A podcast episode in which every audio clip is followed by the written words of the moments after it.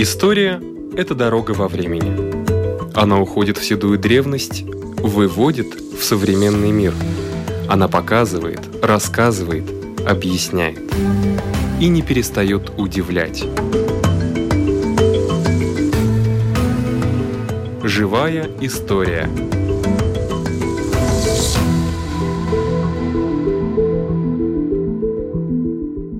У микрофона Лидия Чера.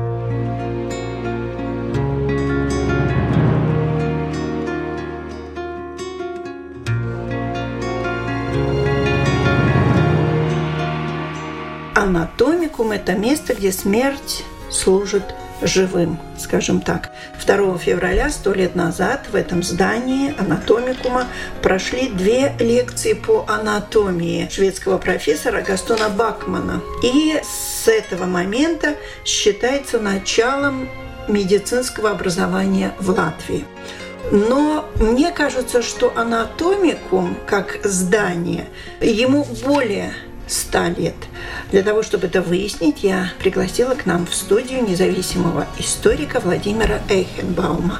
Так ли это? Нет, немножко анатомикум нельзя назвать началом именно вот такого медицинского образования. Раньше так выражались. Смерть одного человека помогает жизни другим.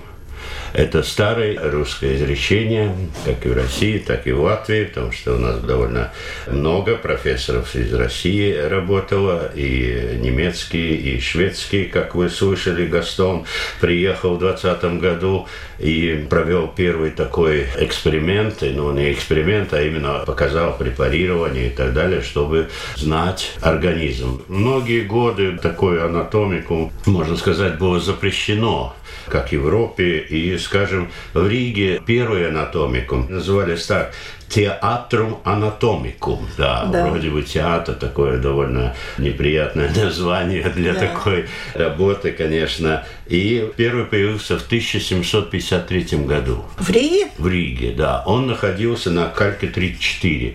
Я не знаю, сохранилось ли это здание, я сам не исследовал. В Кальке сейчас нумерация немножко изменилась, потому что там соединены три улицы по этой нумерации. Кальки, Бривас и до этого Свертовой, кажется, в самом начале. Поэтому примерно где-то около Бривас бульвара. Тогда Александровский бульвар он назывался. И, конечно, со временем, в 1823 году, уже после наполеоновских войн, этот анатомикум перешел почти в то же самое место почти, я говорю, потому что еще канал.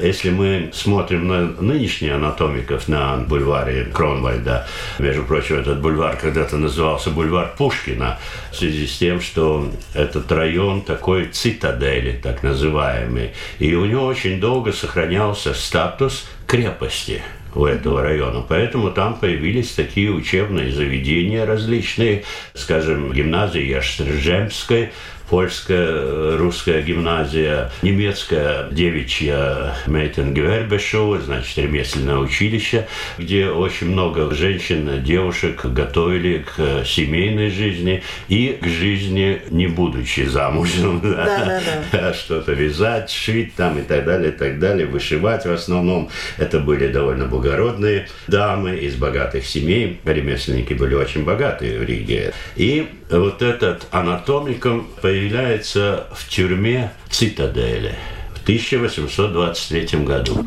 Это военная организация, это здание сейчас сохранилось. Там находятся различные учреждения, где-то недавно реставрировали, ну, может, лет 10 назад реставрировали, очень хорошо реставрировали. И вот в подвалах этого э, бывшей тюрьмы, цитадели это все же такой укрепленный район, где солдаты живут, учатся маршировать, там учебный батальон когда-то стоял. И так как было много людей, которые заболели от плохого плохого содержания в тюрьме. И эти тела использовали, потому что они в основном были без родственников, никто их не выбирал, эти тела, и фактически они доставались, можно сказать, государству. И вот э, на этих телах, второй уже, скажем, в Риге, театр анатомики начали работать. По-русски его называют трупосечение. Очень такое красивое название. Я слышу это название, но до этого никогда не использовал, не высказывал. Уже в 1543 году это наука о строении человеческого тела после ухода, так что из жизни уже душа ушла, потому что тогда верили в душу.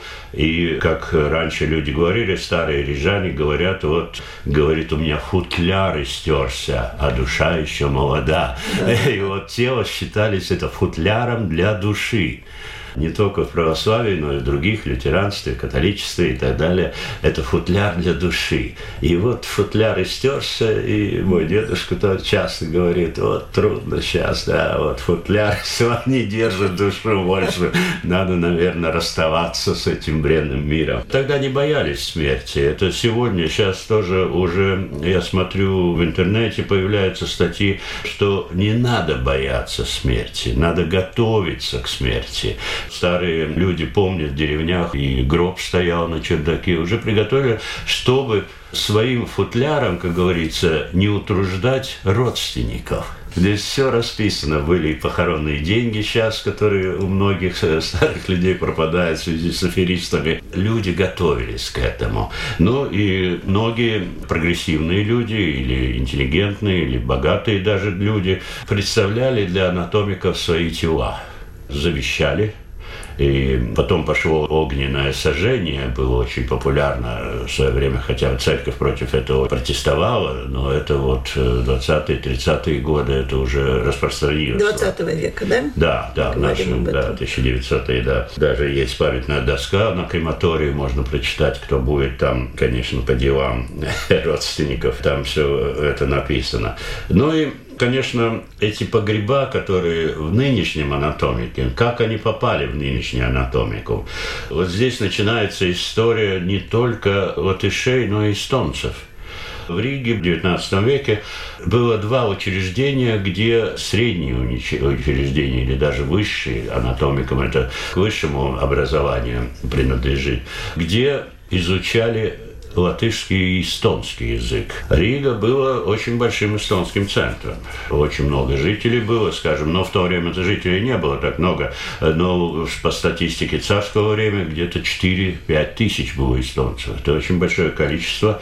Перед Первой войной, конечно, было очень много населения, а вот в 1800-х годах не было так много. В нынешнем анатомике находилась духовная семинария Рижской епархии То есть это здание строилась как духовная семинария? Да, она строилась два года. В 1877 начали постройку, в 1879 году закончили.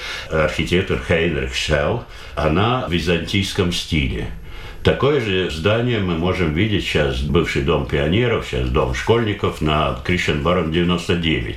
Но это училище, это совершенно другое, это, можно сказать, среднее. После этого училища можно было, конечно, поступать в семинар православных было очень много. Я тоже православный, и меня часто спрашивают, как это вы, вы значит, русские, если православные? Вот это все связывает, православие связывает э, да, с национальностью. С национальностью. Но это очень неправильно. В Курляндии, в Курзаме очень много приходов православных, и также Эстонии и Видземе в районе, скажем, вот в Аумере есть, ну, фактически почти во всех городах в районе Цесиса и так далее есть православные церкви. И чтобы приготовить священников для этих приходов, преподавали на латышском и русском языке. Еще второе учреждение было Александровская гимназия – очень многие выдающиеся латышские деятели, эстонские деятели, российские, конечно, деятели как раз кончали или Александровскую гимназию, или духовную семинарию. Это не значит, что они, конечно, должны были идти в священники и готовили к священникам, ну, низшему разряду, конечно, потом Петербургская духовная академия и так далее. А здесь вот именно в нынешнем готовили для мелких приходов. Но в то время уже почти с анатомикой пришли к православию, но это очень связано с этим. Когда вы входите в это здание, вы сразу чувствуете храм. Там и в свое время была церковь Покрова Святой Богородицы, домовой храм. В третьем этаже находился в этом здании, конечно, э, должны были молиться и так далее. А приходов не было столько много, что приход выбирали священников раньше. И посылали заявки, люди, может, э, семинаристы уже по окончанию ехали, но их община не принимала многих. И они вынуждены были работать или учителями, в основном учителями работали. Мы знаем Балтийская духовная учительская семинария и Валмерская, Валкская, Вармерская духовная семинария, которые готовили учителей – Кудыге, очень много учителей подготовили. Это тоже была одна из задач. Или они шли потом псаломщиками, ну, на мелкие такие службы, диаконами, которые нужны были в приходе. И вот эти молодые люди готовились. Но очень интересно, я просмотрел кто же окончил таких из знаменитых, я все, конечно, знаменитости да, да, да. не просмотрел, я удивился, что наш писатель Виктор Эглиц, он, окажется, окончил эту семинарию, я духовной семинарии. Он считается одним из таких латышских, чисто латышских писателей. Константин Пец – мне кажется, там памятная доска даже есть, что это заведение, духовная семинария Константин Пец, президент Эстонской республики. А, Одних, а э... я думаю, почему я не знаю, если среди латышей я не знаю такой фамилии. Да, и вот Константин да, Пец... Закончил нашу духовную семинарию. Да, и вот в Таллине есть дом правительства, а напротив православный собор – и по желанию Петца его не снесли. В Финляндии, в Хельсинки и в Польше сносили православные храмы как символ владычества России, а в Таллине сохранился. Наши закрыли, там устроили планетарии. И из духовных, конечно, я всех не буду упоминать, очень много духовных лидеров, но самый такой известный это Янис Поммерс или Иоанн Поммер. Иоанн Поммер заканчивал. Да, заканчивал, впоследствии архиепископ. Мне кажется, он получил первый латышский архиепископ латышского происхождения. Епископы были, епископ Заки, скажем, был Заке, так его фамилия правильно по-русски. Вот Янис Поммер тоже заканчивал заканчивал, и он был довольно яростный защитник не только русских, но и православных латышей и латышского православия. И самое интересное, что я нашел, что эту академию окончил Янис Залитис – это первый министр обороны Латвийской республики в 1918 году. Издана книга, монография о нем. Адвокат Мартин Чантон издал такую. Он очень рано умер, 19 декабря 19 года. И раньше на братском кладбище он захоронен. Всегда полки, командиры латвийской армии всегда возлагали цветы 6 декабря, приходили на братское кладбище, возлагали. А судьба его такова, что он окончил, конечно, училище. Он из Салсны, из Пагас, это в Мадоне, Эргли, Мадоне, в том районе. И закончил это училище, потом поступил в семинарию, потому что мать очень хотела. Салсны хороший храм есть православный, не знаю, действует, не действует. И мать хотела, чтобы он все же был священником. Это было почетно в то время. Это и... почетно в любое время? Да, в любое время, да, почетно. И из крестьян он, конечно. И тогда он не получил приход. Что делать? И он думает, а, поеду в Петербург, может, в духовную академию поступлю. Там тоже большой конкурс и так далее, и так далее. И он поступил в Петербургский университет, юридический факультет стал юристом, притом очень хорошим юристом. Он избирался в Российскую Думу два раза, был член Думы, и очень много помогал в связи с своим положением возрождению латышских стрелков, потому что царское правительство не очень хотело национальные формирования. И немцы были при дворе очень многие, которые протестовали. И вот Залиц это пробил, Залиц Голдманес были два депутата, которые пробили такую национальную идею. Он был очень активный, как раз вот именно в этой духовной семинарии он организовал такой пулцинч, это значит кружок православных латышей, которые немножко уже увлеклись национальной идеей. Ага. Так что, можно сказать, в этом здании началась национальная идея Эстонии и Латвии. Но да. просуществовала не сильно долго эта духовная семинария. Нет, почему? Она существовала Если... с 1879 в этом здании, я да. имею в виду, не путать, в этом здании до 1915 года. Потому что потом в связи с войной эвакуировали. Ну, 35 лет. Да, так, 35 лет. Но основана семинария в 1851 году.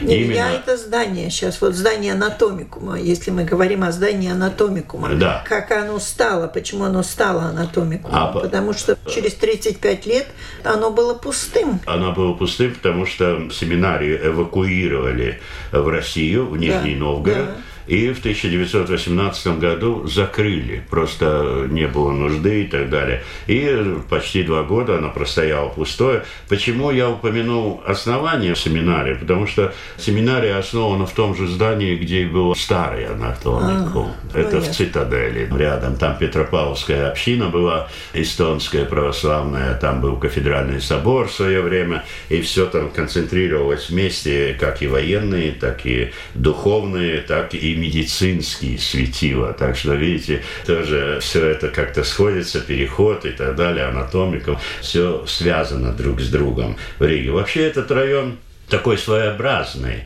Бульвар Пушкина в 23 году переименовали бульвар Кронвальда, и очень большие споры были – Многие национальные силы, конечно, протестовали, что Пушкину не место в Риге. Были статьи ужасные. Ни Гоголя, ни Пушкина, ни Лермонтова. Лермонтов, между прочим, на втором берегу.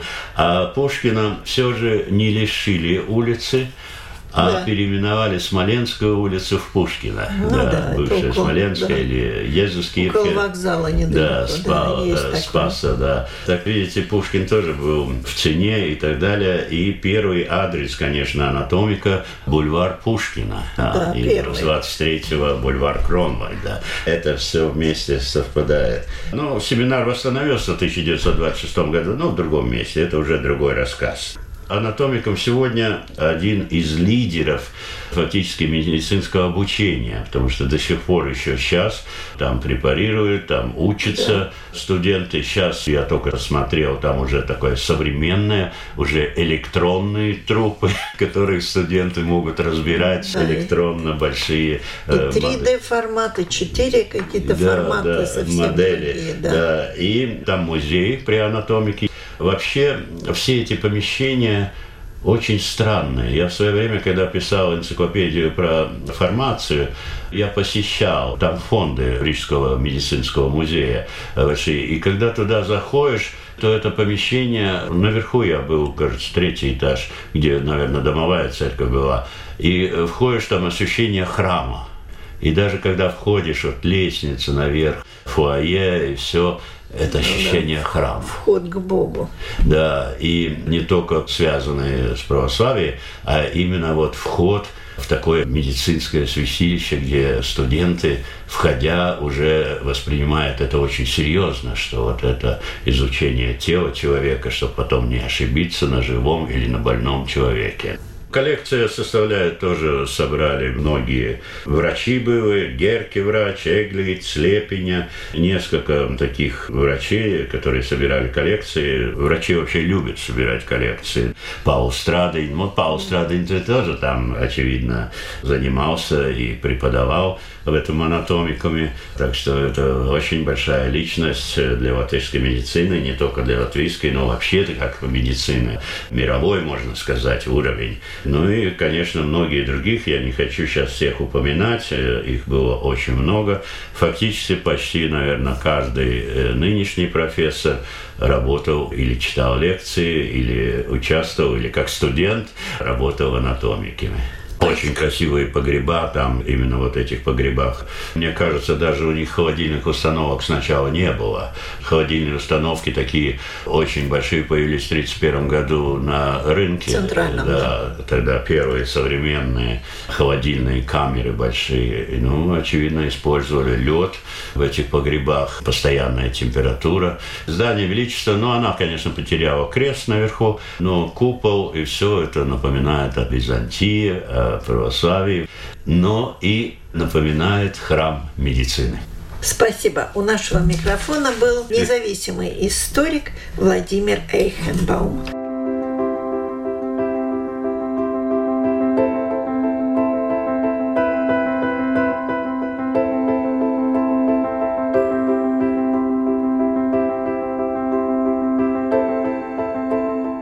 Продолжаем нашу программу.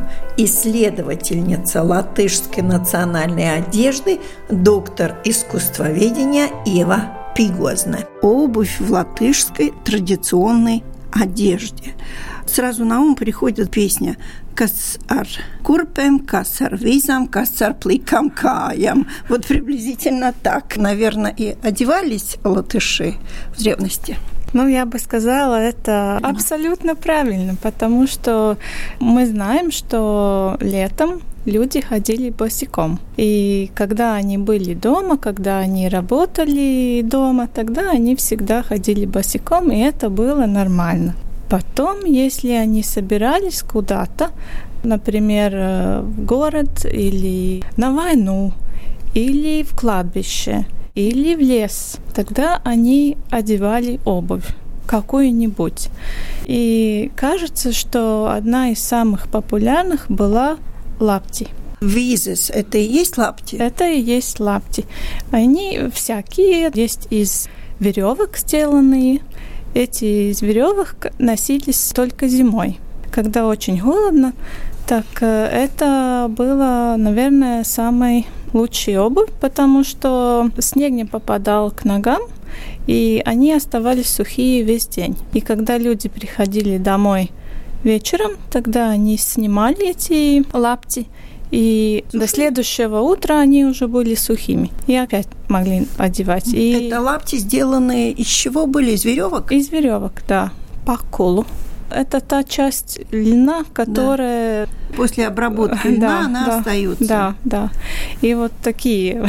Тоже из этого да. делали. И еще, наверное, пасталас. Для это... меня пасталас и визис – это одни лапти. Нет, это не то же самое. Пастолос сделанный из одного куска кожи. И там тоже есть всякие дизайны, потому что зимой они надевали пастолос, которые были с шерстью. И шерсть была снаружи, чтобы не скользнула. Чтобы а, не скользко было. Да, да, а если летом надо было, тогда без шерсти. И это уже была довольно хорошая обувь. Мы говорим сейчас о каком веке приблизительно? 19 До 19 до, до 19 и даже начала 20 потому что эти самые обыкновенные обуви, они у нас те же самые, наверное, тысячи лет. Потому mm-hmm. что первые пастолос мы уже находим в археологических раскопках X века. Так что они вообще не изменялись. Наверное, такой дизайн очень хороший был. И уже в XIX веке появляются черные кожаные туфли и сапоги, которые мы сейчас, сегодня уже часто одеваем вместе с народным костюмом. Но это и правильно, и неправильно, потому что туфли и сапоги больше совпадают уже с городской модой которую люди здесь начинали носить примерно в 60-е, 70-е, 80-е годы XIX века. И я с вами согласна, потому что мои прадед и прабабушка, будучи староверами, смотрели в свое время по телевизору, когда выступали национальные костюмах латышские танцы, говорят, что же они черные туфли-то одели? Надо же было лапти одевать или. Да, да. И я вот в прошлом году изучала свадебные традиции, и там тоже, ну как костюм в свадебных традициях, и там мне очень такие интересные тексты появлялись. Например, с вицами были такие, где они говорят, что самые лучшие и святые – это лапти, потому что они сделаны из кожи дерева. Но пастолос сделаны из кожи животных, например, корова или Какое больше всего было, корова, да. корова, да. И они сказали, что если люди венчаются и носят обувь такого покойного животного, так это нехорошо. Поэтому надо лапти. Это мне казалось вот такие очень э, странные и довольно интересные замечания. И мы этого не знали. Мы думали, что люди одевали все, что у них было самое лучшее. Да. Но, наверное, самое лучшее было на голове и на спине. Но обувь такая очень консервативная часть одежды. Как интересно. Вот э, слушаю и думаю, а остальной мир тоже обувался в то же время, как и латыши? Те же самые традиции есть Восточной Европе, и тоже Россия, и Литва, и Польша, Чехословакия, нет, это Чехия. И у них те же самые. Когда мы уже смотрим более в запад, тогда уже появляются и другие виды обуви. Но это довольно-то большая географическая область, где те же самые традиции, только каждый народ и даже каждый регион делал о них по-своему. Я знаю, что стекольщик в свое время была очень престижная профессия. Интересно, сапожник была ли престижной профессией? Трудно сказать. Очень много вот таких замечаний не оставалось. Например, у моей бабушки были родственники в детстве, сапожники, и у них всей семьи девять детей было, у них всех была хорошая обувь, именно потому, что сапожник был родственником. Это 20-е 30-е годы 20 века. И, наверное, это было хорошо, да. потому что у других, наверное, так не было. Но многих из этих традициональных видов обуви почти каждый мог сделать. И есть много таких текстов, где говорятся, что люди их делали дома, почти каждый старик делал для всей семьи. иногда тоже дети, когда они были на работе. Тогда делали, когда работали?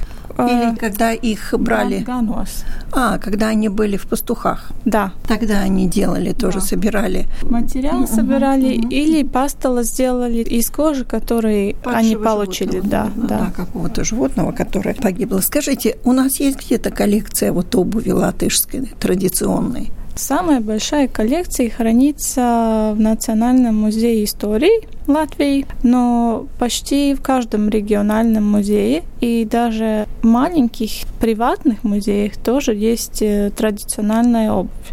То, что интересно, обувь почти осталась только с 20 века, с 19 очень, очень мало. И это, наверное, потому что обувь, когда она стала уже старой, не выбрасывали. Ее надо было сжечь потому что это как будто нехорошо, чтобы обувь валялась где-то. Наверное, поэтому и не осталось так много. Но эти традиционные виды обуви, они те же самые, в течение много лет, и поэтому мы знаем, какие они были и 100, и 200 лет тому назад. И мы тоже видим в древних рисунках, что та же самая обувь. Mm-hmm. Так что она почти не изменялась. Но я знаю, что в Национальном музее истории Латвии хранится, например, виллайна, который то ли 16, то ли 17 век, а вот обуви, наверное, все-таки нет. Именно по э, традиции так получилось. Ну, есть та обувь, которую находят в археологических раскопках до XVIII века, если она сохранилась. И первая уже с X-XI века. Там были пастелс, тоже были сапожки. Но эти сапожки, наверное, носились до 16-18 века, потом в 18 они не были. И тогда вообще все крестьяне носили только лапти или пастелс. Я знаю, что вы не только изучаете, но вы и сама рукодельничаете. Да. Если вам пришлось, например, делать сейчас пастелос или лапти, вы бы смогли сделать так вот по тем традициям, которые тогда были? Я пробовала, и я делала. Лапти нет, еще хочу выучить это, но пастала сделала, и древнюю эту обувь сапожки тоже делала. И вообще это изучено очень хорошо, так что восстановить, как они были, не так трудно. Самое трудное, наверное, сам процесс, потому что руки должны быть очень да, такие сильные. Ну, сильные. И если я сделаю один сапожек в один день, тогда следующий день я ничего не хочу делать моими руками. Да, да, да. Это очень трудно проколоть все да, это. Да, они болят, болят. Да, еще бы, Потому что коровья шкура ведь она толстая, и ее надо, наверное, вначале выделать, чтобы она стала мягче, и все равно она толстая. Ну, если она очень мягкая, тогда обувь Быстро сразу, сносится, да, да, и люди старались как-то, ну, найти баланс, баланс в этом. Самый э, э вязаки. Плотные? Были до трех миллиметров. Три миллиметра, да. но все равно это проколоть, это же трудно. Mm.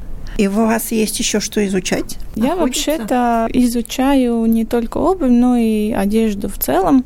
Докторская работа моя была о том, какие цвета были в археологической одежде и как они были крашены и что они означали в мифологии. Выучаю латгальскую одежду XIX века, потому что и мои предки из Латгалы, и я знаю, что латгальская одежда не очень выучена, и поэтому мне это очень интересно. У нашего микрофона была исследовательница латышской национальной одежды, доктор искусствоведения Ева Пигозна.